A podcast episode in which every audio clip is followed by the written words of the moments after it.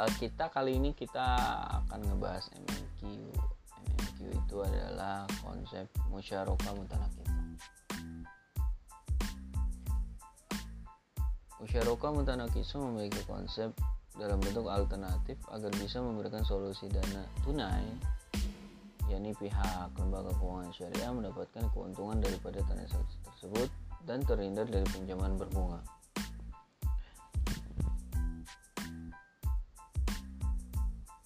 Yang pertama, lembaga keuangan syariah ini dengan akad LB atau sebagai barang dari nasabah sehingga terjadi sirkah atas barang dalam rangka pembentukan modal usaha hasil dari dengan pemilihan ini nasabah mendapatkan dana tunai.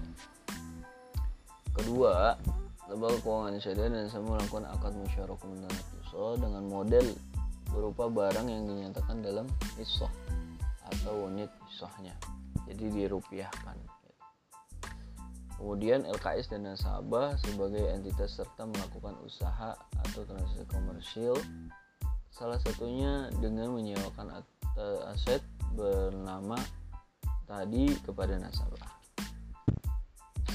Kemudian nasabah sebagai penyewa akan mengasuh dan membayar sewa kepada entitas sirka pada saat yang sama membeli porsi kepemilikan LKS sehingga aset tersebut secara sempurna kembali menjadi milik nasabah. Jadi angsuran itu sama saja untuk pengalihan kepemilikan dia lagi.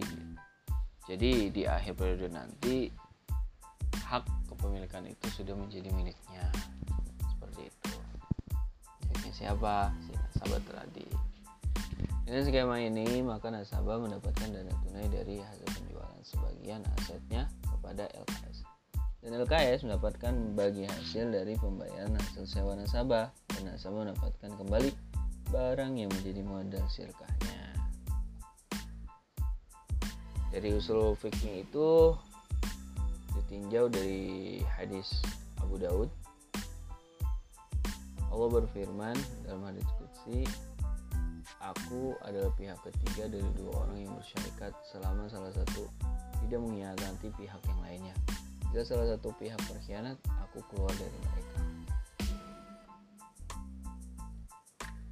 Regulasi tersebut diatur dalam standar syariah OIV nomor 13 yakni pada prinsip modal usaha mudoroba harus berupa uang akan tetapi boleh pula soibul menyerahkan modal usaha pada model RIP berupa barang dalam hal modal usaha mudoroba berupa barang.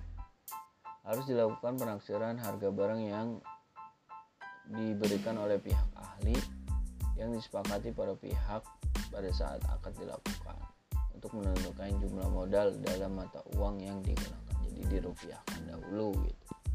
Misal rumahnya harganya satu miliar ya satu miliar berarti modal yang diberikan atau disyarikatkan oleh nasabah tersebut kemudian berita yang ada di kompasiana.com seorang penulis Waridatul Afalia menuliskan sebuah artikel tentang resiko pada akad musyarakah mutanakis. Menurutnya, akad MMQ ini jelas berbeda dengan produk bank convents. Pada akad MMQ ini, dalam pembiayaan jangka panjang dirasa sangat efektif bagi konsumen karena dalam menghadapi fluktuasi harga, pasar dianggap elastis serta dinamis sehingga keuntungan tidak terikat oleh nilai return yang tetap dan hal ini bertambah dapat merevisi sewaktu-waktu secara periodik. Namun sama dengan transaksi lainnya bahwa akad MMQ ini tidak terhindar dari adanya risiko.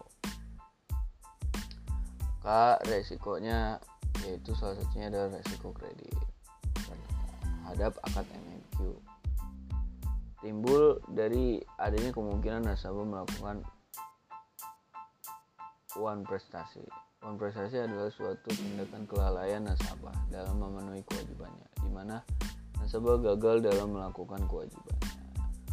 Kemudian resiko pasar terhadap MMQ timbul dari ada perbedaan harga pada setiap wilayahnya, Selain itu, dalam akad MQ terdapat akad ijaroh yang mewajibkan nasabah untuk membayar uang sewa. Kemudian resiko operasionalnya timbul adanya kelalaian dan belum cakapnya sumber daya manusia pada suatu bank dalam kegiatan operasionalnya. Jadi MFQ ini sangat dianjurkan, sangat dibolehkan.